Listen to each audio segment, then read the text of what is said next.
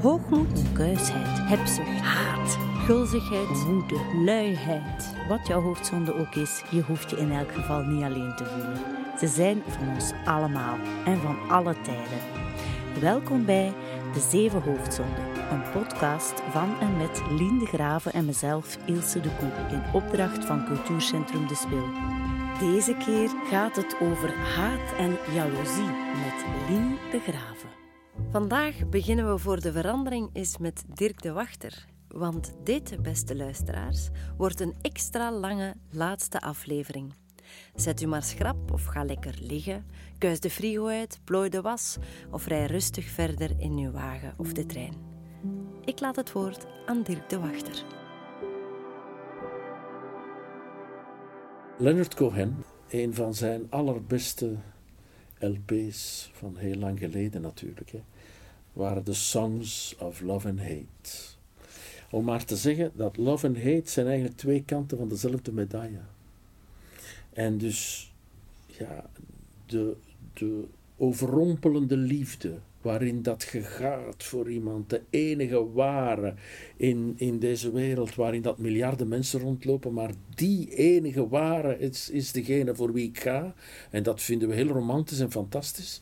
Maar als dat dan niet lukt, of als dat misloopt enzovoort, dan dreigt dat soms om te draaien naar de meest verregaand negatieve en destructieve gedachten, die soms zo erg escaleren tot moorddadigheid. Ik volg daar helemaal Jeff Vermassen, die zegt: de meeste moorden zijn liefdes- en lustmoorden in intieme relaties, meer dan overvallen met uh. Straf, hè? Dus, eh, dus ja, geen, geen liefde zonder haat en geen haat zonder liefde. Dat is de prijs voor de, de ongebreidelde romantiek, zou ik bijna zeggen. Voilà, ja kijk, het is des mensen, denk ik. Ik denk dat de dieren dat op die manier niet beleven. Bij, bij de dieren gaat het over iets instinctmatig. Hè? En ik wil de haat hier toch, maar je kunt natuurlijk verschillende definities geven, toch, toch definiëren als een soort van meer dan een instinctmatig gebeuren. Geen impulscontrolestoornis, maar toch wel een soort verlies in, in obsessie voor de enige ware. Toch wel een vaak wel heel erg uh, geconstrueerd en jarenlang groeiend en onderhuids woekerend geheel van gedachten en gevoelens. Haat en jaloezie. Het zijn emoties die ik niet echt ken. Tuurlijk kan ik wel eens jaloers zijn op iets of iemand, hè? Of, of vind ik een ander mens verschrikkelijk irritant. Maar de echte destructieve kant heb ik gelukkig nog niet ervaren. Over deze thema's had ik het met relatiedeskundige en seksuologe Rika Bonnet. Aan haar keukentafel in Gent vroeg ik haar hoe jaloezie nu eigenlijk werkt, waar het vandaan komt en hoe we onze kinderen kunnen leren om genuanceerder te denken bij deze gevoelens. Het werd een heerlijk lang gesprek. Ja, je kan op veel manieren eigenlijk naar jaloezie kijken. Uh, ik denk in eerste instantie dat, um, ja, zoals de meeste mensen het ervaren, een soort van uh, anticiperend gevoel is. Het is een emotie, hè? dat is duidelijk. Ook een emotie die we niet controleren. We proberen dat wel enorm, omdat dat ook bij de, ja, zeker in de christelijke tra traditie, bij de, bij de zonden zit. En dat we dus bij gevolg ook heel erg het gevoel hebben dat het een foute emotie is. En we delen emoties ook heel vaak in in dingen die goed zijn of die we mogen ervaren en dingen die we moeten onderdrukken of die we moeten leren beheersen. Maar eigenlijk lukt dat heel slecht. En dat zie je genoeg, uh, dat ja. dat heel, heel moeilijk is.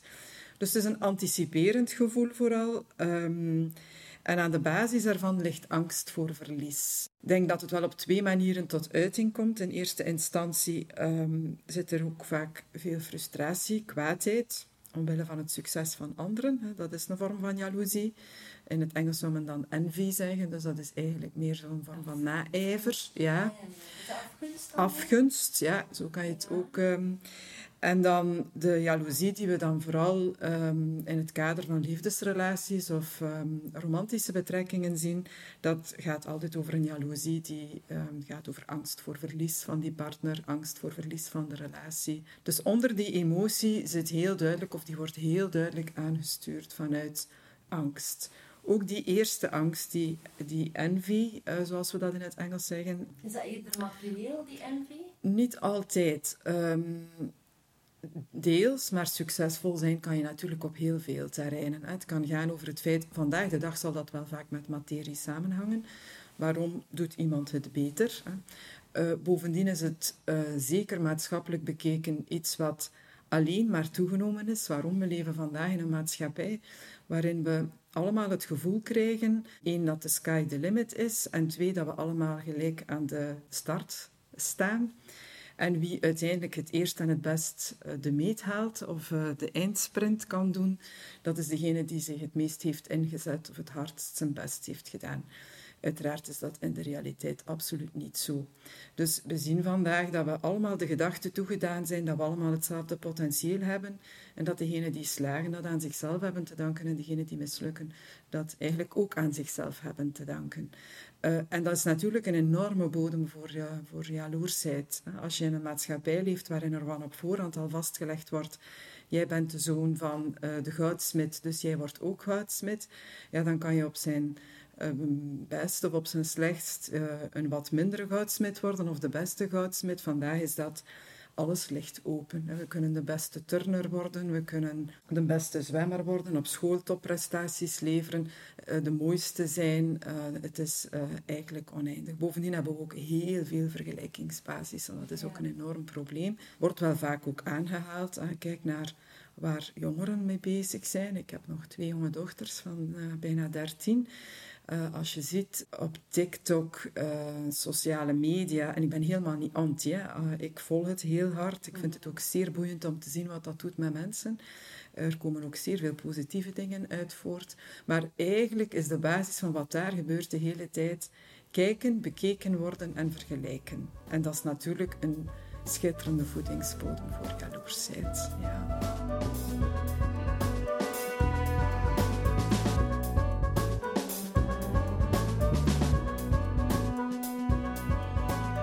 We zijn heel vaak heel veel bezig met um, bijna het jaloers maken van anderen. Ja. Um, maar Om het toont zelf goed te doen voelen. Ja, het toont ook heel sterk hoe we heel de tijd onszelf in competitie plaatsen met anderen via die netwerken.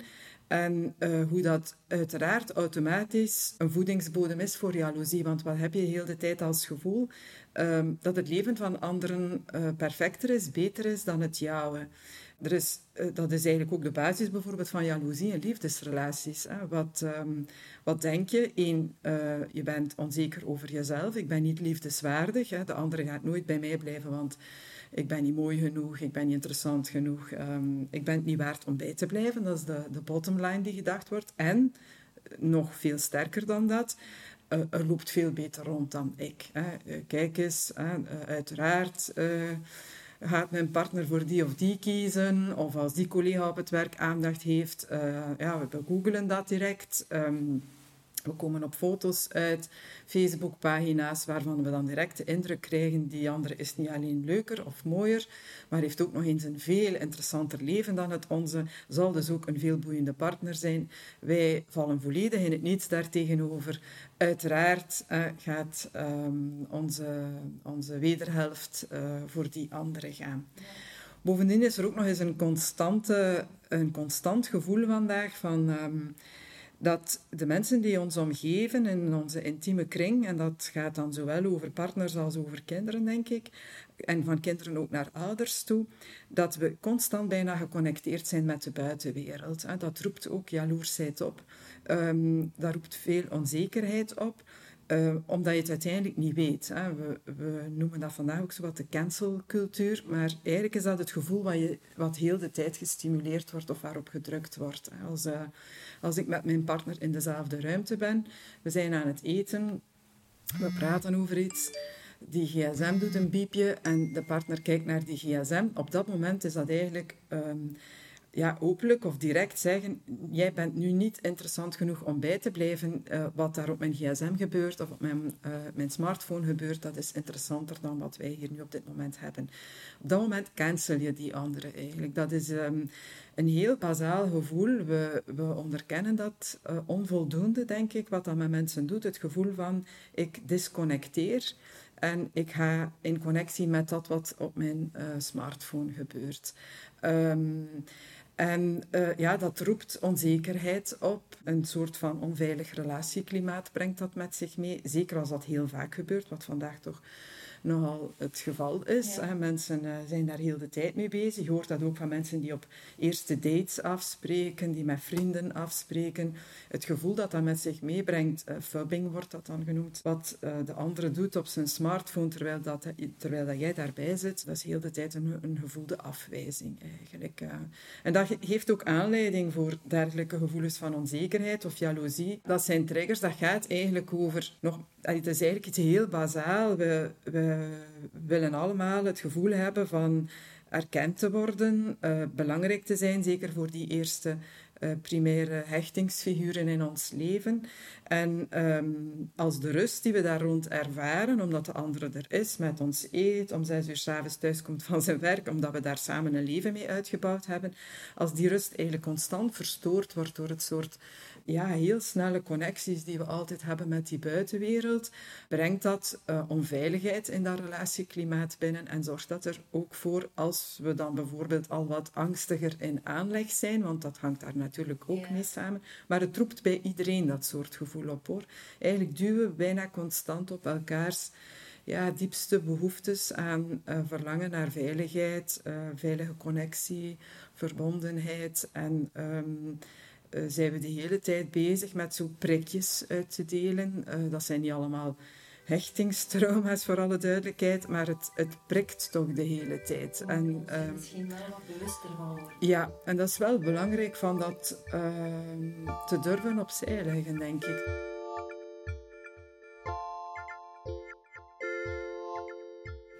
We hebben allemaal aspecten van verlatings- en bindingsangsten, de wijze waarop dat we met anderen connecteren. Dat is logisch.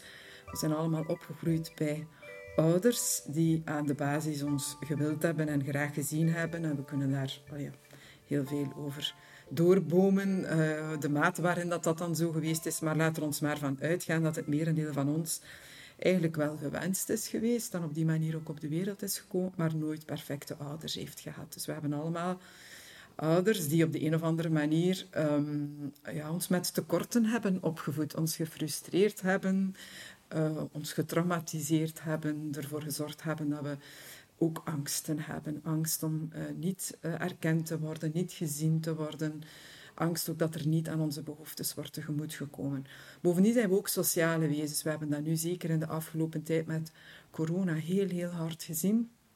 Hoe wij vooral ook groepsdieren zijn. Dat is, uh, uh, hebben vergeten, uh, of we zijn dat toch een stuk vergeten vanuit de toch doorgedreven individualisering van de laatste decennia, hoe belangrijk ook de erkenning vanuit de groep is. En dat is ook een hele diepe angst. We hebben in eerste instantie die angst in onze primaire relaties, maar ook in tweede instantie zeker, en dat zie je ook bij jonge mensen, word ik door de groep geaccepteerd en gewaardeerd. Dus dat is ook een, hele, uh, een heel belangrijk aspect um, in die verlatingsangst, zullen we maar zeggen. En dat zie je ook bij mensen die gepest worden, uitgesloten worden, hoe diep dat dat raakt, hoe ver dat dat gaat, hoe traumatiserend dat dat is. We willen erbij horen, we willen geaccepteerd worden en we willen ook nog eens door een aantal individuen in ons leven intiem graag gezien worden. Maar vandaag zijn we dat heel hard aan het bespelen, dat niet ingevulde aspect. Dat is van alle tijden, dat is deel van de mens, dat is ook een motor,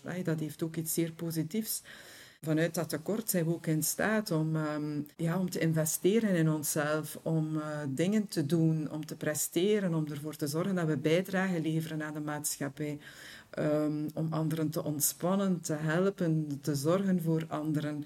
Van daaruit halen we ook betekenis. Hè. Dat, dat, geeft ons leven betekenis. Maar vandaag bespelen we of bewerken we altijd heel de tijd ook de angst van het is niet genoeg. Hè. We gaan niet voldoen. We gaan gecanceld worden. Uh, ben ik wel voldoende waardevol? Ben ik wel mooi genoeg? Dus we, we zijn heel de tijd ook bezig, altijd weer met, um, ja, met, dat, met dat vertrouwen. Hè? Het vertrouwen in onszelf, het vertrouwen in de anderen, het vertrouwen in de relaties met die anderen. Die, die, sociale media, dat is ook duidelijk dat onze hersenen daar toch niet zo heel goed op reageren. Waarbij de technologieën waar wij vandaag mee bezig zijn, dat zijn natuurlijk dingen van heel recente datum. Um, dat, uh, ja, dat de manier waarop dat wij, of dat, onze hersenen werken en eigenlijk ook evolutionair zich ontwikkeld hebben, uh, dat dat toch veel druk zet uh, op, ehm, ja, op onszelf, op ons welbevinden. En ik ben er ook van overtuigd, altijd geweest, ik geloof daar ook heel hard in, dat um, zolang dingen ons voordelen opleveren, en dat is bij de mensheid altijd zo geweest, dat we er zullen verder mee doorgaan. Hè. Zolang het ons prikkelt op de een of andere manier, um, we daar sowieso zullen mee verder doen. En op het moment dat um, de straf eigenlijk een beetje de zonde verbiedt, als ik het zo mag uitdrukken, we daar ook zullen in minderen en er anders zullen leren mee omgaan. Dat heeft ook met vrijheden te maken. Hè. Ik denk dat we vandaag heel goed beseffen en zien ook dat in volledige vrijheid leven, dat dat eigenlijk bijna een illusie is, maar ook dat we daar als mens niet goed mee om kunnen. Dat we allemaal vormen van begrenzing of grenzen nodig hebben.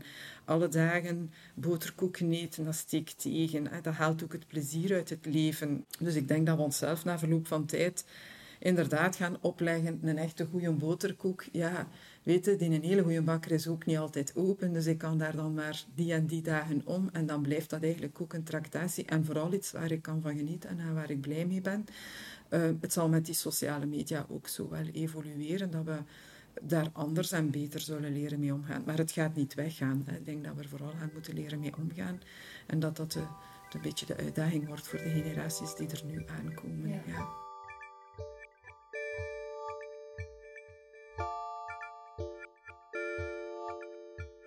Nu, binnen een intieme relatie um, kan je jaloezie op twee manieren wel bekijken. Het is zeker niet altijd iets negatiefs. Uh, als um, jaloezie gebed is in de realiteit, dan uh, is dat een beschermingsreflex. Het is logisch dat als je verbonden bent met iemand um, en die relatie is voor jou belangrijk, van wezenlijk belang. Je hebt daar veel in geïnvesteerd. Je hebt samen met iemand kinderen uh, of een langlopende relatie. Het hoeft ook nog niet langlopend te zijn. Je ziet iemand heel graag. Je hebt daar veel voor over. Je doet daar veel voor. Als dat onder druk komt te staan um, door bijvoorbeeld uh, het gedrag van je partner, hè, want het kan echt nogmaals een basis in de realiteit hebben. Je ziet je partner openlijk flirten met iemand anders. Of je ziet dat iemand anders heel openlijk interesse heeft in je partner, hè, via Facebook, zeg maar wat. Uh, probeert contact te leggen en nogal suggestieve berichten stuurt. Of een ex die plots veel toenadering zoekt dan is er een, um, een realiteitsbasis om jaloers te zijn. Dan is op dat moment je jaloersheid inderdaad een beschermingsreflex. Dan heb je het gevoel, onze relatie komt onder druk te staan. En uh, ik geef daar uiting aan. En dat is ook oké. De wijze waarop dat je daar uiting aan geeft, daar gaat het dan natuurlijk wel over. Uiteraard mag iemand boos worden. Um, maar de communicatie die je dan mogelijk nadien over hebt, um, zal dat sowieso verhelderen. Dus in die zin is dat zeker iets positiefs.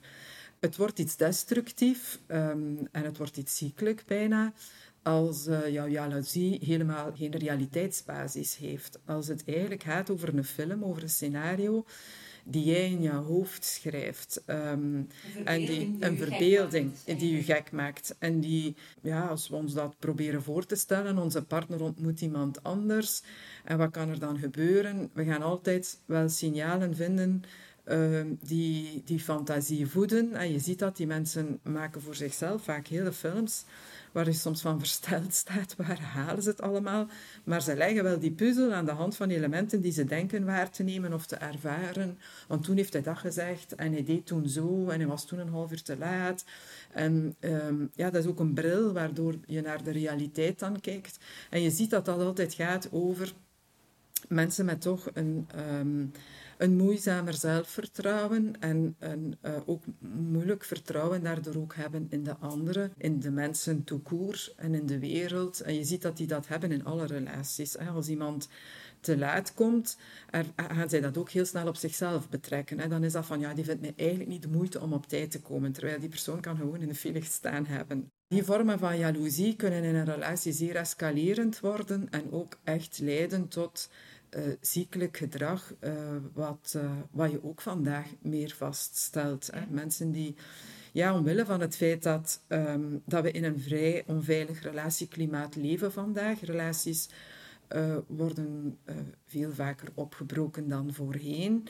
Um, er zijn heel veel prikkels. Hè. De, er is altijd wel iemand die met ons wil geconnecteerd zijn. Dus je ziet dat, dat, um, dat er veel voedingsbodem is om dat soort scenario's ook in je hoofd te gaan schrijven. Bovendien is er ook veel voedingsbodem om ons onzeker te voelen, zoals ik begonnen ben. Um, ja, we moeten aan heel veel beantwoorden. We hebben het gevoel dat we vooral onvolmaakt zijn en de andere veel perfecter is dan wij zijn.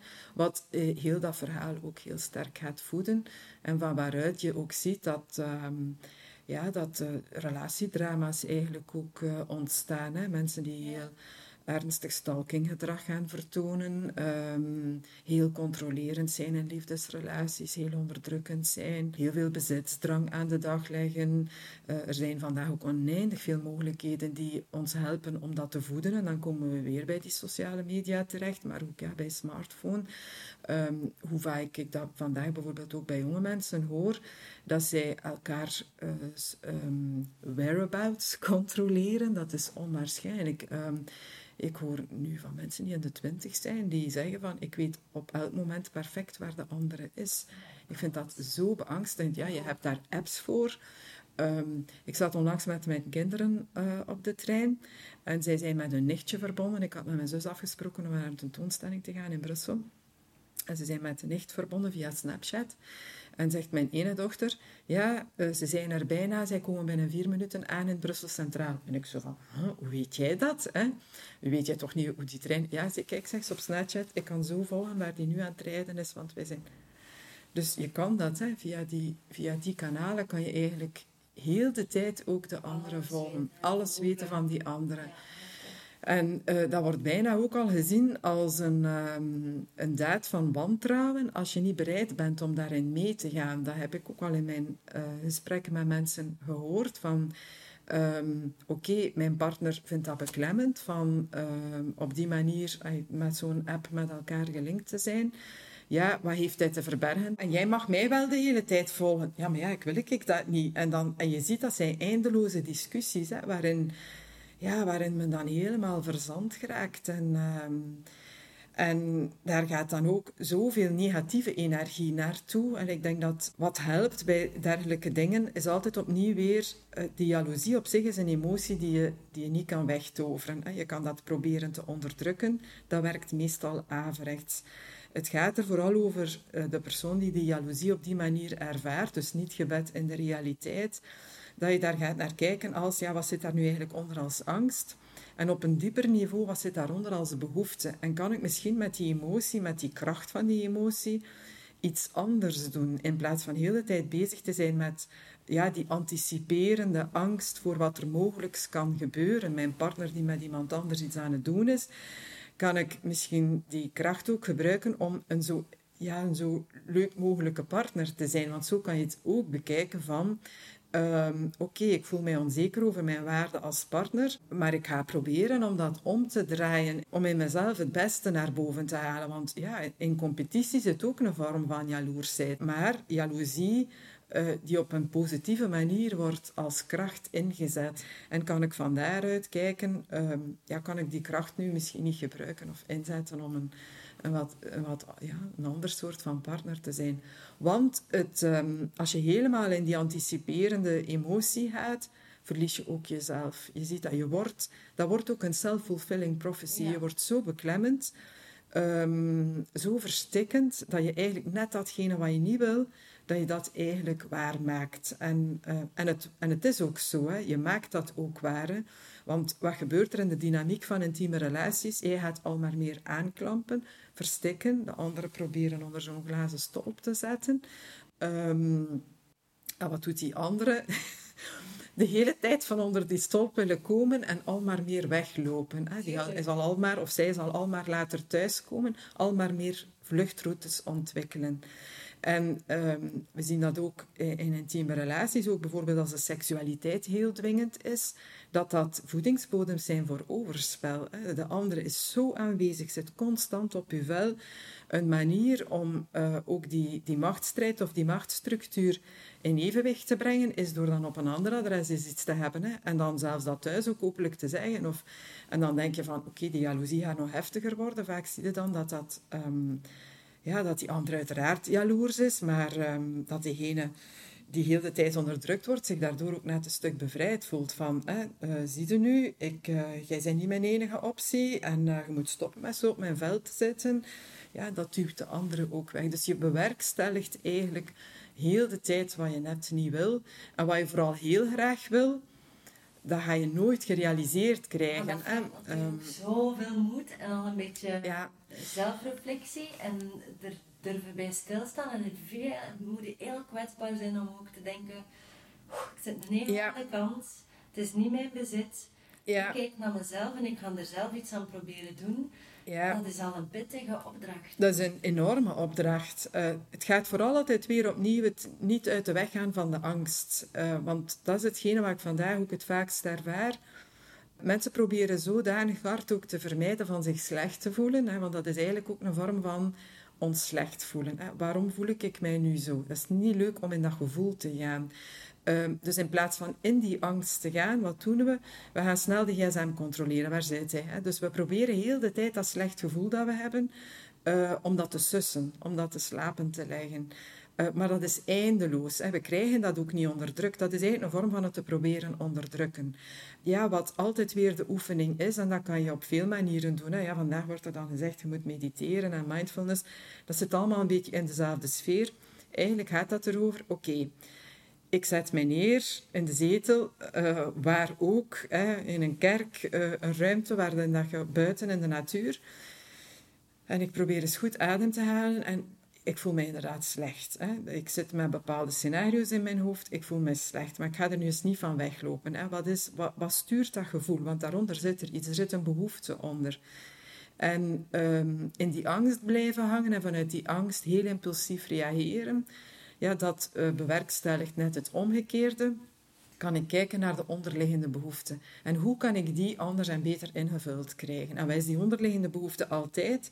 Ik wil graag nabijheid. Ik wil dat de andere er voor mij is. Of ik heb daar behoefte aan. Dat de andere mij bevestigt. Dat de andere mij toont dat hij of zij mij graag ziet als je dat bevraagt op zo'n manier en niet zo van ik controleer waar jij zit, want dat is eigenlijk de ander het gevoel geven, jij bent niet goed bezig, jij bent niet betrouwbaar. Als je in ja, in tegenstelling daarmee aan je partner vraagt als die bij jou is, zou je mij alsjeblieft een keer willen vastnemen? Ik heb daar nu zo'n behoefte aan. En ik vind het zo fijn als je regelmatig mij een berichtje stuurt waarin dat je zegt dat je mij graag ziet. Ik heb dat, allez, voor mij is dat heel belangrijk. Dat zijn heel duidelijke vragen. En uh, als je daarop constructieve reacties krijgt, wij weten ook zo'n boodschappen, want daar zijn sociale media dan wel ook goed in die helpen ons eens een hartje binnenkrijgen of een berichtje, denk aan jou of ik mis jou. Uh, dat zijn uh, kleine hersenboosts. Hè. mochten wij daar, en dat wordt ook gedaan, hè, neurologisch, dat gaan onderzoeken, dan zouden we zien hoe dat onze hersenen daarop oplichten. Je krijgt dat ook van vriendschappelijke reacties. Hè. Een vriendin die jou een berichtje stuurt, hey, denk aan jou, dat helpt ons, hè. dat ontspant ons. Dat is zo onnozel, een WhatsApp-berichtje. En toch doet dat, we hebben dat nu ook in de coronatijd gezien, dat vervult nooit het echte contact. Maar het helpt ook wel enorm. En als je dat op die manier, die micromomentjes van bevestiging, als je dat op een constructieve manier bevraagt, um, en dat komt, dan ga je ook zien dat je zelf veel rustiger wordt in dat contact. En veel meer ook het vermogen hebt om als je dan een half uur later zo weer een opstekende negatieve gedachte hebt, ga eens naar je WhatsApp-berichtje kijken. Oh ja, hij heeft mij een half uur geleden nog maar een bericht gestuurd uh, dat hij mij graag ziet. We zijn oké, het is oké.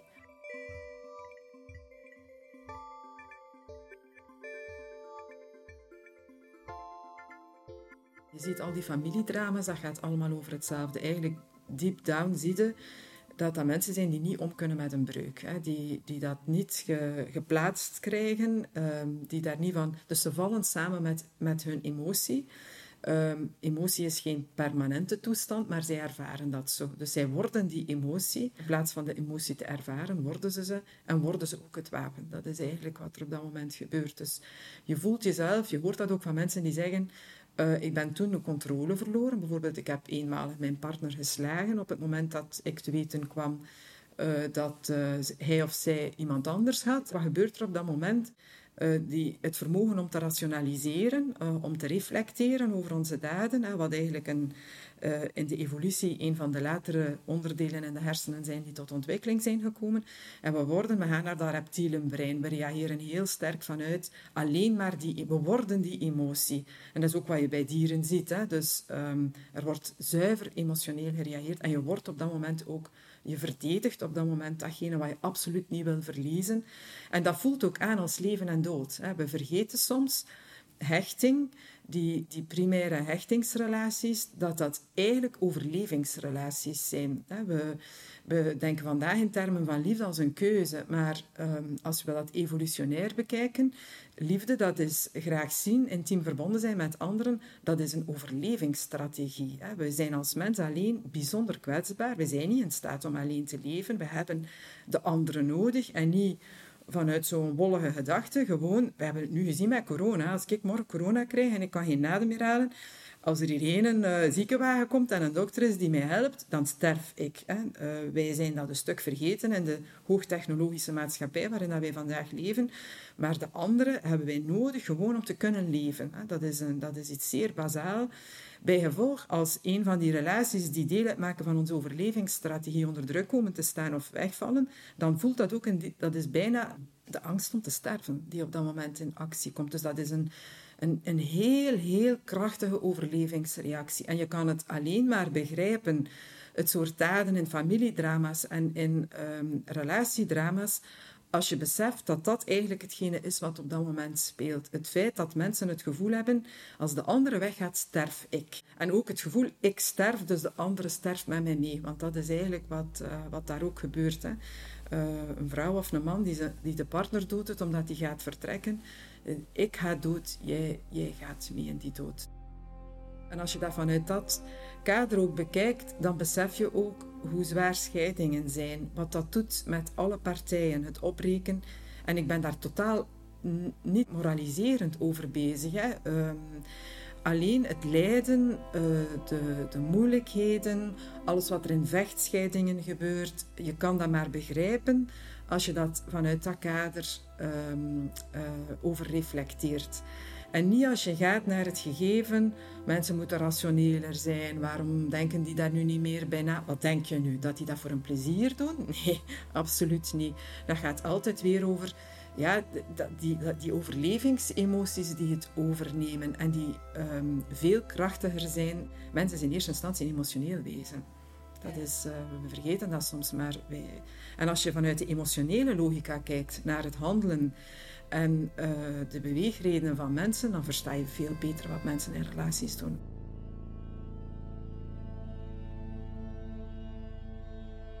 Ja, wat de kerken bidden, wat is dat? Dat is een vorm van mindfulness. Hè? Dat is uh, tot rust komen bij jezelf en dat is gaan reflecteren over wat doe ik goed en uh, wat zijn de dingen die ik, uh, die ik als kwaad aanricht. En we zijn dat op den duur gaan voorstellen als keuzes die we hebben. Dat is het natuurlijk niet. Hè? Zo simpel zit het niet in elkaar.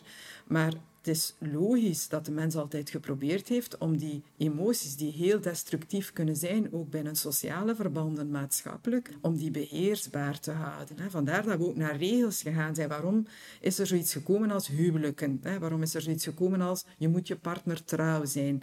Uh, ja, eh, mensen denken daar nooit op door. Ja, waarom legt de kerk dat op? Dat is omdat men ook vastgesteld heeft, als we daarin de totale vrijheid aanhouden, ontstaan er binnen gemeenschappen dingen die zo destructief zijn dat dat eigenlijk tot nadeel van iedereen er is. Dus moeten we, of zijn we, doen we er goed aan om een aantal regels af te spreken en ons zoveel mogelijk aan die regels te houden. Goed beseffende dat dat nooit gaat zijn. We gaan allemaal... Uh, Er, zouden, er zou geen enkel dieetboek meer verschijnen, mochten we ons allemaal heel goed houden aan de maten. Hè. Doen we dat? Nee, de mens is emotie, dus per definitie gaat ook in de excessen. Hè. Dat is zo. Ja, waarom, waarom uh, we hebben een vaste relatie, waarom beginnen we met iemand anders iets? Niet omdat we daar verstandelijk over geredeneerd hebben, omdat dat een bewuste keuze is. Nee, dat is omdat er iets is dat ons daar trekt, dat ja, onze emotie uh, overstijgt op dat moment eigenlijk ons gezond verstand. Want ons gezond verstand zou ons prediken, blijft waar dat je zit, jong, je kinderen, wat doe je? Hè? Dat, dat, is alleen maar complex, dat wordt ingewikkeld. Je gaat heel veel pijn en lijden bij jezelf, bij de anderen veroorzaken. Er is geen keuze hè, voor het groene blad of geen keuze voor het gras dat groener is. Het gaat altijd over. Er is een emotie die de angst voor verlies overstijgt de absolute liefde en haat, dat zijn twee dingen, dat is een spiegel van elkaar. Ehm, en uh, dat heeft altijd te maken ook als mensen in staat zijn om heel uitgesproken graag te zien. Uh, en dat is dan graag zien op een manier die symbiotisch is.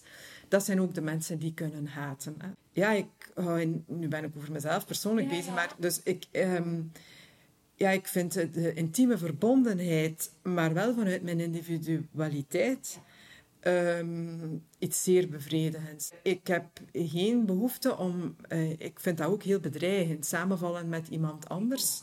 En ik vind het ook, want ik heb daar een gevoel van persoonlijk verlies bij. En voor mij is dat, is dat, dat is mijn, en dan zie ik dat bij mij eigenlijk mijn bindingsangst altijd wat sterker zal zijn dan mijn verlatingsangst. Als er aan de andere kant dan iemand zit, ja, die mij helemaal wil opeten, op positieve manier. In het begin is dat leuk. Hè? Ja, iemand die u de meest fantastische mens op aarde vindt en u het gevoel heeft, zonder u leef ik niet. Of wat ik met u meemaak, dat heb ik nog nooit meegemaakt. Hè? Dat soort gevoel. Hè? Dat geeft u een enorme boost aan zelfvertrouwen, aan waarde, aan hoe schoon, hoe tof. Ja, dat is narcistisch. Hè? Ja. andere vindt u het, het, toppunt van alles. Ja. Maar als dat te lang duurt, oeh, hè, ehm, uh, en dan zie je, ja, dan ontstaat er een dynamiek. Hè. Dus dan is er één iemand die dat vrij snel te beklemmend vindt, uh, zich daaruit gaat terugtrekken. En uh, waardoor aan de andere kant die andere terug in die ideale staat van zijn. En dat is alleen maar altijd met ons twee alles beleven, ervaren en zijn. Je zijt er altijd voor mij die, die daarin gefrustreerd wordt in dat verlangen en al maar meer uh, gaat proberen aanhaken. Nu, als je dat heel extreem hebt, het willen samenvallen met de anderen, dat, is, dat zijn mensen die in liefdesrelaties maar twee posities kennen. Ofwel ben je met mij, ofwel ben je tegen mij. Het is zwart-wit. Als, als, wij, als ik een verschil ervaar met jou, of ik heb een idee en je hebt een ander idee, dat kan niet. Ja, ja, mensen die echt een relaties zo zien. En die uiteraard daardoor ook vaak veel moeilijkheden hebben of problemen hebben in relaties. Hè. Waarom is dat? Omdat daar ook een laag zelfbeeld zit natuurlijk. Waardoor uh, men dat ziet als een totale afwijzing. Als de andere verschilt. Als er verschil is.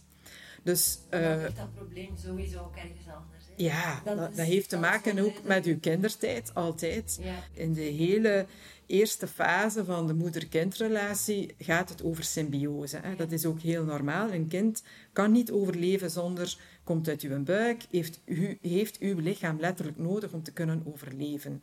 Um, logisch dat dat kind um, van die andere, die ervoor zorgt voor die overleving, alles maakt. Hè. Je zijt voor dat kind alles. En wat moet zo'n kind leren? Um, en daarvoor zijn papa's dan ook heel belangrijk Mama is niet alleen perfect. De andere zal er niet altijd zijn als ik behoefte heb aan die andere. Eigenlijk moet een kind leren omgaan met frustratie. En dat is een belangrijke fase in de ontwikkeling richting het worden van een individu, het ontwikkelen van een eigen identiteit, waar je dan in de puberteit ziet dat dat zich nog verder doorzet. Dat is het zoeken van de juiste afstand, nabijheid, afstand in de relatie tot die eerste zorgfiguur die eigenlijk die moeder ook altijd wel is. Um, als dat niet zo goed verloopt, um, en dat, hangt, allee, dat is een, een, interactie tussen moeder en kind. Ik leg dat ook niet bij de moeder. Dat, dat kan ook zijn omdat een kind heel angstig en heel aanwezig is of bijvoorbeeld periodes ziek is, dat dat kind dat veel harder heeft om zich vast te klampen aan de moeder, waardoor die moeder zich ook meer terugtrekt uit, uit dat contact, terwijl een, moeder uh, in wezen een heel goed zorgende figuur kan zijn, en waardoor je ook met het ene kind een ander type relatie hebt als met het andere kind. Dat wordt ook door de persoonlijkheid van dat kind uh, vorm, mee vormgegeven.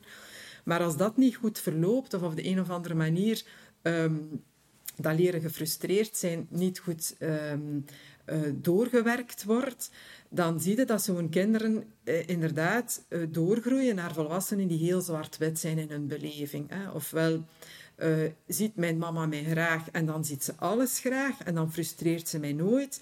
En van zodra ze mij frustreert, is het slecht, hè, deugt het niet. Ehm, en dat is ook hetgene wat men dan in, in liefdesrelaties wil. Men wordt verliefd, op dat moment is dat puur en alleen projectie.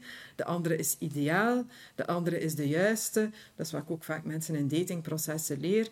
Als een andere nu op D2 zegt, je bent de vrouw van mijn leven en je bent alles voor mij en met u, uh, dit heb ik nog nooit gevoeld en dan moeten er rode lampen gaan branden. Dat is geen foute man, maar dat is iemand die duidelijk niet die differentiatie kan maken. Of niet in staat is op volwassen leeftijd om te beseffen, je kunt dat gevoel wel hebben, maar die zelfs niet beseft dat dat zo niet werkt. Dat dat nooit kan zijn dat de ander het antwoord is op al uw noden. Dus wat leren we in de loop van zo'n relatie, maar ook in de loop van de relatie met onze ouders? Um, dat de andere gewoon goed genoeg is, maar nooit perfect zal zijn. Dat ons mama goed genoeg is, maar nooit perfect zal zijn.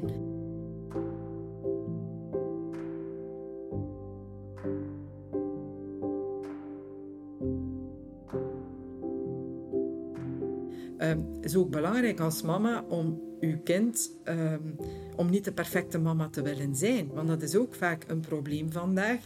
Veel mama's willen hun kinderen niet meer frustreren. Hè. Proberen heel de tijd van um, alles te voorkomen. Hè. Van, van, dat is, van geen conflict aan te gaan hoeveel mensen ja, het vandaag moeite mee hebben om een kind te straffen, bijvoorbeeld. Om te zeggen van, oké, nu vind ik dit, wat nu gebeurt is, dat is niet goed. Ik zet u nu bijvoorbeeld eens in de hoek. Hè. Uh, het echt afzonderen in kelders en zo, daar gaat het niet over. Hè. Dat is heel fout. Hè. Dan, dan, dan doe je iets wat niet oké okay, want dan geef je eigenlijk eerder de ander het gevoel, ik controleer deze relatie en ik heb de mogelijkheid om, als het mij niet zint, om u gewoon weg te zetten. Hè. Wat, dat is macht, dat is machtsmisbruik in uw relatie. Maar wel nu moet, ik even, nu moet hij even op afstand blijven van mij. Dit is niet oké. Ga maar even in de hoek staan. En van dat dan ook te tolereren, dat op dat moment er bijvoorbeeld een uur afstand is. Hè. Um, en dat zo'n kind dan ook leert ervaren, het is niet omdat wij een conflict hebben, het is niet omdat er een verschil is, dat de liefde over is. Dat is eigenlijk wat, wat, wat, wat je moet leren. Ik zie u nog altijd graag, maar nu is het eventjes niet leuk. Ja, en wat jij gedaan hebt, dat vind ik niet oké. Ja. Maar ik zie je nog altijd graag. Het vertrouwen moet er blijven. Dus, en dat gaat erover. Ik heb vertrouwen in de relatie dat ook voorbij conflict, voorbij verschil, we wel weer bij elkaar geraken. En we ook weer een gevoel gaan hebben van heel nabij te zijn. Maar afstand is niet het einde van de relatie. Maar soms hebben mensen, in tegendeel, is afstand nodig. En soms heeft mama ook een keer wat eigen ruimte nodig. En soms heeft mama een slechte dag gehad. En als kinderen dat leren, dan groeien zij ook op tot volwassenen die veel genuanceerder kunnen duiden. Um, uh, het gedrag van andere mensen, het gedrag van vrienden, want dat is het eerste wat ze leren. Het is niet omdat mijn vriendin op de koer met iemand anders speelt, dat wij geen beste vrienden meer zijn. Daar leren ze dat eigenlijk. Hè. Daar zie je, en dat is enorm, hè. ik zie dat bij de mijne ook, hè. Dus, maar dat begint al in het lager. Hè. In de kleuterklasse zijn ze daar zo nog niet mee bezig, dan zijn ze nog heel sterk met hun eigen. Maar vanaf het lager zie je dat dat sociale heel belangrijk wordt. En dan komen ze inderdaad thuis met verhalen. Ah, de vriendin was vandaag heel boos, want ik heb met dat kindje gespeeld. En zij was boos, want ze zei, en nu ben jij niet meer mijn BFF. Hè. Dus, um, en dan zie je, dat zijn eigenlijk inderdaad al kinderen waar dat je al ziet dat er een soort angstige aanleg is. Heel hard ook meegaan in dat BFF-verhaal. Want wat is dat zo'n BFF-verhaal? Hey, moet hij er exclusief voor mij zijn? Hè? Dat, is, dat zijn de eerste signalen dat iemand toch eerder angstig in aanleg is in het aangaan en bestendigen van relaties. Dat is direct al exclusiviteit opeisen. Ja. Want anders, als je niet exclusief er bent voor mij, voel ik mij slecht. Dat jaagt mijn angst aan. En ja, die gaan zich dan claimend gedragen, worden boos. Alle strategieën worden ingezet. Hè. Negeren, manipuleren. Maar dat zijn dingen die kinderen thuis zien. Hè. Dus daar gaat dat over. Dus omdat ze thuis ook in de relatie tussen hun ouders gezien hebben. Hoe doe je dat? Dat zijn dynamieken je wordt daar niet mee geboren. Hè. Dat zijn dingen die, die je ziet tussen mensen en die je zelf ook gaat inzetten en toepassen. Onwaarschijnlijk hè, hoe snel dat, dat ze dat leren allemaal. Hè. Ja, want we denken dat altijd wat we zeggen, dat datgene is wat ze gaan meenemen. Nee, nee, hetgeen wat jij thuis doet... Als voorbeeld, hè. Dat ja, daar, daar, daar zo observeren, als ze het nemen, dat zijn sponsen, hè. ze nemen dat zo over, nemen dat zo op. En dat zijn dan ook degenen die op volwassen leeftijd, dan zich dat heel extreem uit uh, in staat zijn om heel zwart-wit te zijn. Ook, ja, ik zit heel de tijd in schoenen te kijken, nu ook zwart-wit zijn. om heel zwart-wit te zijn in, in, uh, in liefdesrelaties. Hè. En van absolute liefde, dat is een. We kunnen eigenlijk niet de andere als een als een gedifferentieerd iemand zien. Hè. De andere valt ofwel samen met mij, of is eigenlijk boos en afstand en, en niet oké.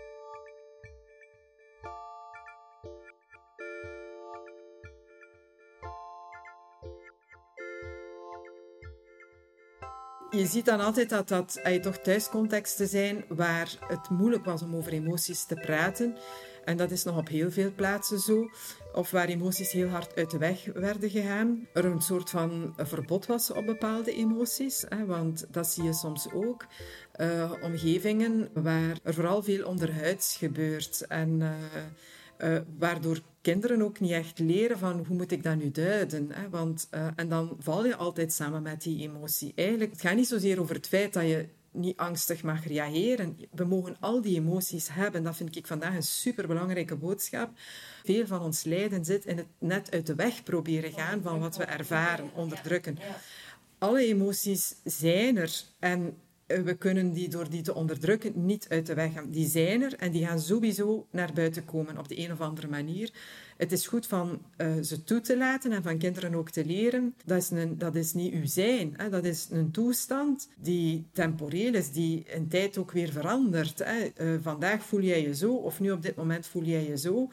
Dat heeft een betekenis. Uh, we gaan het daarover hebben. Wat is de betekenis van zo'n emotie? Maar uh, morgen gaat u alweer anders voelen. Dus uh, waardoor dat, dat ook, dat, dat, je daar een andere duiding aan geeft dan een omgeving waar dat, dat totaal niet aan bod komt of niet over gereflecteerd wordt, val je eigenlijk altijd samen met emotie. Hè? Dan is het zo, jij bent boos, stout, hè? boos zijn. En dus dan zie je, ja, je, je, je wijst eigenlijk die emotie af, waardoor um, een kind ook heel de tijd alleen maar in die angst blijft zitten. Um, als je met een kind het hebt over waarom ben jij nu boos, um, of uh, ik denk, mama denkt dat jij nu boos bent om die of die reden, hè, want dan geef je een kind ook een taal om daarover te praten. Eén. En twee, uh, er is een vorm van acceptatie naar die emoties toe. Uh, eigenlijk gaat het erover dat je afgestemd reageert op wat, er, op wat je kind beleeft, hè, maar ook bij een partner. En hoe afgestemd reageer ik op de beleving van mijn partner? En daar is al uh, behoorlijk wat onderzoek naar gedaan. En dat helpt ook om ons uh, perfectionisme, drang als ouder, een beetje naar beneden te halen. Heel veel ouders denken dat ze de hele tijd non-stop heel goed moeten reageren op alles uh, wat hun kinderen doen, zeggen, voelen, ervaren. En als ze daar eens een steek laten vallen, dan ze eigenlijk al slechte moeder of vader zijn. Uit onderzoek blijkt dat als je 30% van de tijd daar goed op reageert, dat je eigenlijk al op een hele goede manier aan het mentaliseren bent en aan het afstemmen bent en dat dat eigenlijk al zorgt voor een veilig relatieklimaat. En dat de rest frustratie is waar zij leren mee omgaan. Zelfvertrouwen uh, gaat ook over het vertrouwen dat op moeilijke momenten, als het erop aankomt, ik ook terecht kan in de relatie met mezelf. Dat ik in staat ben om mezelf ook te troosten. Waar start dat? Een kind dat in zijn bed gelegd wordt en zichzelf tot rust moet brengen om in slaap te vallen. Dat is eigenlijk de eerste plaats waar we leren om naar zelftroost te gaan. Daar zie je al heel angstige kinderen hebben dat daar heel moeilijk mee, met inslapen. Maar eigenlijk is dat ook heel moeilijk. Hè? Je legt je neer, er is geen enkele vluchtroute. Je kunt alleen maar inslapen als je tot rust komt bij jezelf. Um, je ziet ook bij veel volwassenen dat dat vandaag veel problemen oplevert.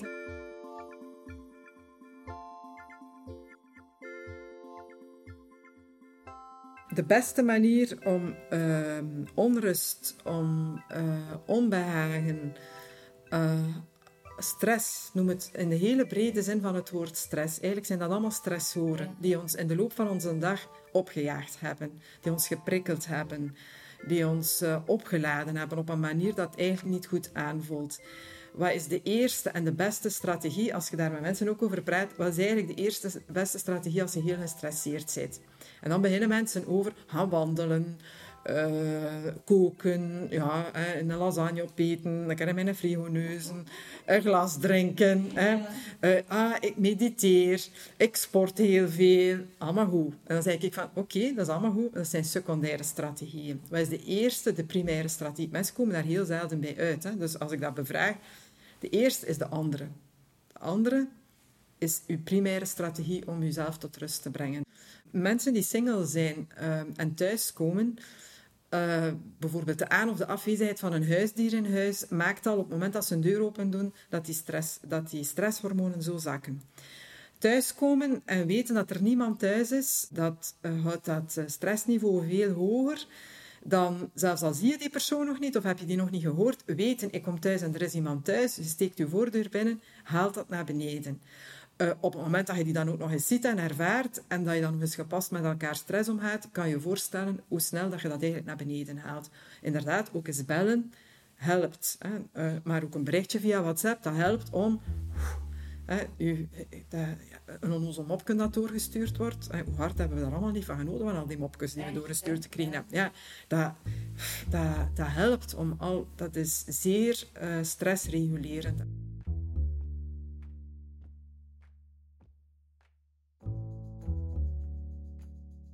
Uiteraard gaat u kinderen vormen door de wijze, wat, wat hadden u gedacht? Ja, het zijn uw kinderen, hè? dus het gaan ook uw kinderen worden. Uh, naarmate ze zich verder ontplooien. En uiteraard, alles wat we ook doen met onze kinderen is ook een spiegel van onze eigen behoeftes. Hè? Mensen zeggen soms, mijn kinderen veiligen echt door. Ik knuffel die heel de tijd. En dan vraag ik van, hoe vaak knuffelde die omdat dat bij hen een behoefte is? En hoe vaak knuffelde die omdat dat uw behoefte is? En dan is dat een heel ander verhaal ineens. Hè? En dan zie je ja, dat het knuffelen soms vaker gaat over de eigen behoeftes aan nabijheid, dan dat dat eigenlijk gaat over iets wat dat kind graag wil. En dat dat dan soms ook tegen de weerstand van een kind in is dat je een kind knuffelt, hè, waardoor dat je dat eigenlijk eerder onder druk zet dan dat dat eigenlijk een vorm van gezonde nabijheid is. Dus daarover ook durven reflecteren als ouder, dat is een enorme spiegel ook voor jezelf. Uiteraard moet je je kind knuffelen omdat je daar zelf eens behoefte aan hebt. En je zei het dan ook nog. Dat een kind vindt dat fantastisch. Als je tegen een kind zegt van, kom ik bij mij, mama heeft daar nu zo nood aan om eens een knuffeltje te krijgen. Zo'n kind voelt zich op dat moment liefdescompetent. Heeft het gevoel, ik ben van betekenis voor mijn mama. Altijd opnieuw weer gaat het over, ik ben mij bewust van wat ik doe op het moment dat ik het doe. Ik, ik, eh, ik lees mijn eigen emoties. En vooral, ik ben in staat om die naar buiten te brengen. En die effectief niet als een kwetsbaarheid te zien. Want het zijn de sterkste die dat kunnen niet de kwetsbare. Dat is een kracht, dat is een absolute kracht. Veel ouders denken, ik heb mijn kinderen niet nodig. Ja, waarom krijg je kinderen, denk je? Kinderen krijgen is, is een egoïstische daad. Hè? We doen dat alleen maar voor onszelf. Hè? En natuurlijk omdat we ook een biologische drang hebben om dat te doen, omdat dat over de voortleving van de soort gaat. Maar als we het hebben over dat psychologisch niveau, dat gaat over een invulling van ons leven. Dat gaat eigenlijk over een, een diepe existentiële behoefte om om, om niet de totale eenzaamheid uh, te ervaren. Dus laat ons misschien eerder zeggen dat mensen die in staat zijn om daar nee tegen te zeggen, vaak is het ingeven vanuit angsten die er zijn, omwille van het faalangsten ook, omwille van het feit dat men zelf niet zo'n vrolijke jeugd heeft gehad. Laat dat duidelijk zijn, omdat er heel ernstige trauma's zijn en mensen dat niet willen verder zetten. Vind ik dat een hele moedige keuze. Of die effectief zeggen, ik heb in mijn leven een aantal perspectieven en dingen die ik wil realiseren. En als ik daar kinderen bij neem, dan denk ik dat ik dat niet goed ga doen. Ehm, en, en die de moed hebben om niet aan die druk toe te geven, die een hele sterke maatschappelijke druk is, om ook mee te gaan in dat verhaal van kinderen te krijgen. Dus ik vind die eerder moedig dan egoïstisch. En ik ben er absoluut van overtuigd dat als mensen kinderen krijgen, dat ze dat in eerste instantie voor zichzelf doen. En dat is oké. Eh, het helpt ook om daar zo naar te kijken. Waarom? Je bent, je bent niet heilig hè? als je kinderen krijgt. Bij gevolg, ook naar je kinderen toe, mag dat daar ook zeker als boodschap in zitten. Ik heb jou eigenlijk ook nodig om mijn leven zinvol te maken. Jij maakt mijn leven zinvol. Hè? Dat geeft kinderen ook het gevoel van... Uh, ik heb betekenis in het leven van mijn mama. Hè. Zo gaat dat, dat schakelt. Hè. Dat zijn generaties die schakelen. En nu vandaag zorg ik voor jou. En het, het, uh, het is zo, ja, als jij dan volwassen bent, ja, dan gaan wij hopelijk ook een goede vrienden blijven. En dan gaat mama ook heel veel aan jou hebben en omgekeerd.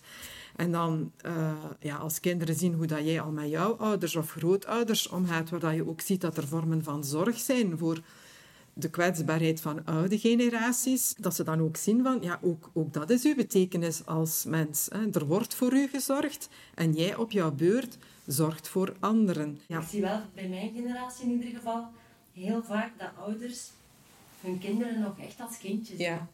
En uh, waarom bel je niet? Je, je kunt toch ook bellen? Allee, ja. de echte kinderen die echt naar mama en papa moeten luisteren en die ouders die daar toch wel zo wat boven staan, terwijl blijft altijd een hiërarchische relatie. Hè? Ouders, en dat is ook de grote moeilijkheid op het moment dat uw ouders echt hulpbehoevend worden, mentaal en zo, dat jij de zorgfiguur wordt voor je ouders, dat is een heel moeilijk kantelpunt. Um, in de tussentijd is het zo dat um, het blijft een hiërarchische relatie. Uw vader en uw moeder blijven uw vader en uw moeder, ook als je zelf volwassen bent. Daar waar je ziet dat, uh, dat uh, al heel jong kinderen er eigenlijk vooral in eerste instantie waren voor de invulling van de noden van de volwassenen en van de ouders, zie je ook dat dat op volwassen leeftijd doorwerkt. Dat zijn ouders die veel moeite hebben met het doorknippen van de navelstreng. Ik heb al ooit gelezen dat, er zijn er die ervan uitgaan dat dat eigenlijk aan het kind is om dat te doen. Ik ben ervan overtuigd dat dat aan de ouder is om dat te doen. Het is als ouder dat je je kind de wereld inzendt en je kind ook het vertrouwen geeft van kijk, ik heb er vertrouwen in, jij gaat vandaag met je fiets voor de eerste keer naar school, dat jij dat goed gaat doen. Dat is eigenlijk... ook al breekt u af. Ook al denkt in u in die auto's op die baan en zo. Um, dat, is, dat, is, ja, dat is uw kind de wereld insturen. En, het, het, en we moeten dat allemaal doen. Het vertrouwen geven. Je moet niet bij mama blijven. Hè. Ik, ik wil dat jij zelf de wereld verkent. Ja. En als het daar te druk en te moeilijk en zo wordt, hier is de haven. Kom maar terug, kom maar bijtanken. Ik ben er om u te helpen. Je kunt altijd opnieuw terugkomen. Zeker in die fase bij mij. Ik ben er voor jou. Ook in de volwassenheid hè, blijft dat een stuk zo. Hè. Als je 30 jaar bent, uh, uw ouders zijn wijzer, ouder, hebben meer levenservaring. Dat blijft een hiërarchische relatie. Dan ga je naar huis bij je 60-jarige pa om advies te horen over ik ben van plan om een huis te kopen, wat bijz ervan. Dat is eigenlijk wat je op dat moment doet. Dat blijft een hiërarchische relatie. Wat zie je op zo'n momenten, is dat eigenlijk wel heel belangrijk dat je ouders je alle ruimte geven om je eigen leven te ontwikkelen.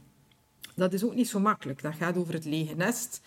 Je kinderen vliegen uit. De eerste jaren komen ze niet zo vaak naar huis. Je mist die. Hè? Want dat was een hele leuke invulling. Zeker als dat jongvolwassenen waren die bij je thuis leefden. Een soort van vriendschappelijke relatie die je daarmee hebt. Die brengen jonge mensen binnen, nieuwe werelden.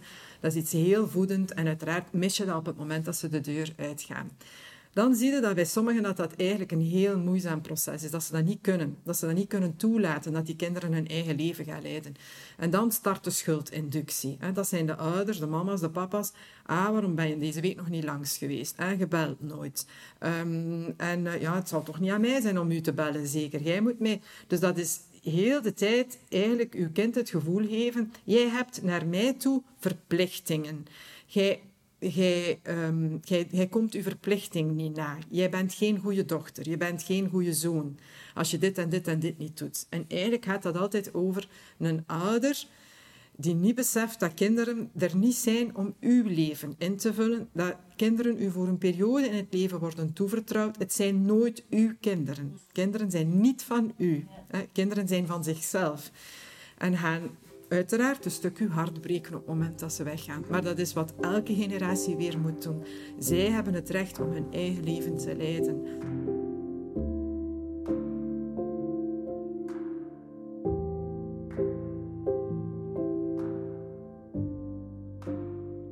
En dat is zoals in intieme liefdesrelaties. Als je zand veel te hard vasthoudt, dat is die mooie parabel die altijd gebruikt wordt. Ja, dingen die je te hard probeert vast te houden, die verstik je, die maak je kapot. En het is maar als je zegt, ga, en ook naar een partner toe, hè, ga, doe, ontwikkel je. Ik vind het nu niet zo tof dat je een hele week niet zo heel aanwezig bent. Um, en ik mis u. Um, maar ik weet dat je nu met iets heel belangrijk voor je werk bezig bent. En ik, ga er, ik heb er vertrouwen in dat je dan nadien terugkomt en opgeladen bent omdat je iets moois hebt gerealiseerd. Um, en ik ben fier op u. En dan genieten we opnieuw van elkaar. En dat is ook met kinderen zo. Dus um, ga, doe. En, en dat is het lossen van die navelstreng. Dat is eigenlijk... Um, je blijft met een navelstreng verbonden, hoor. Dat is wat loyaliteit is tussen kinderen en ouders. Hè. Dat blijft een leven lang. Dus de navelstreng moet niet doorgeknipt worden.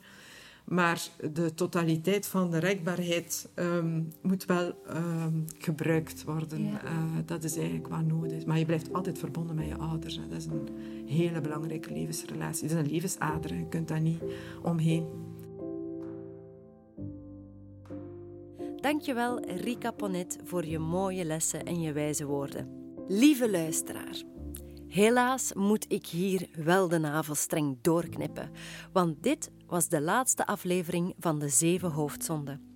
Hopelijk zien we elkaar snel terug in het theater of nestelen wij ons opnieuw in uw oor met een nieuwe podcast. Wie weet wat de toekomst brengt. Tot die tijd bedank ik u voor het luisteren. Bedank ik Caspar Schellingerhout voor de muziek en de montage en al onze gasten die de tijd namen om met Ilse en mij samen te werken aan deze reeks. En last but not least, dank aan Cultuurcentrum De Spil voor het bedenken en mogelijk maken van dit initiatief. Merci Annelies van Kraaienest en Dirk Cornelis.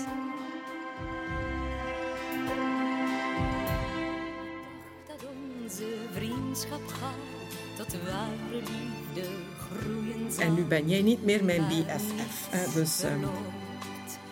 Zoals je hoort.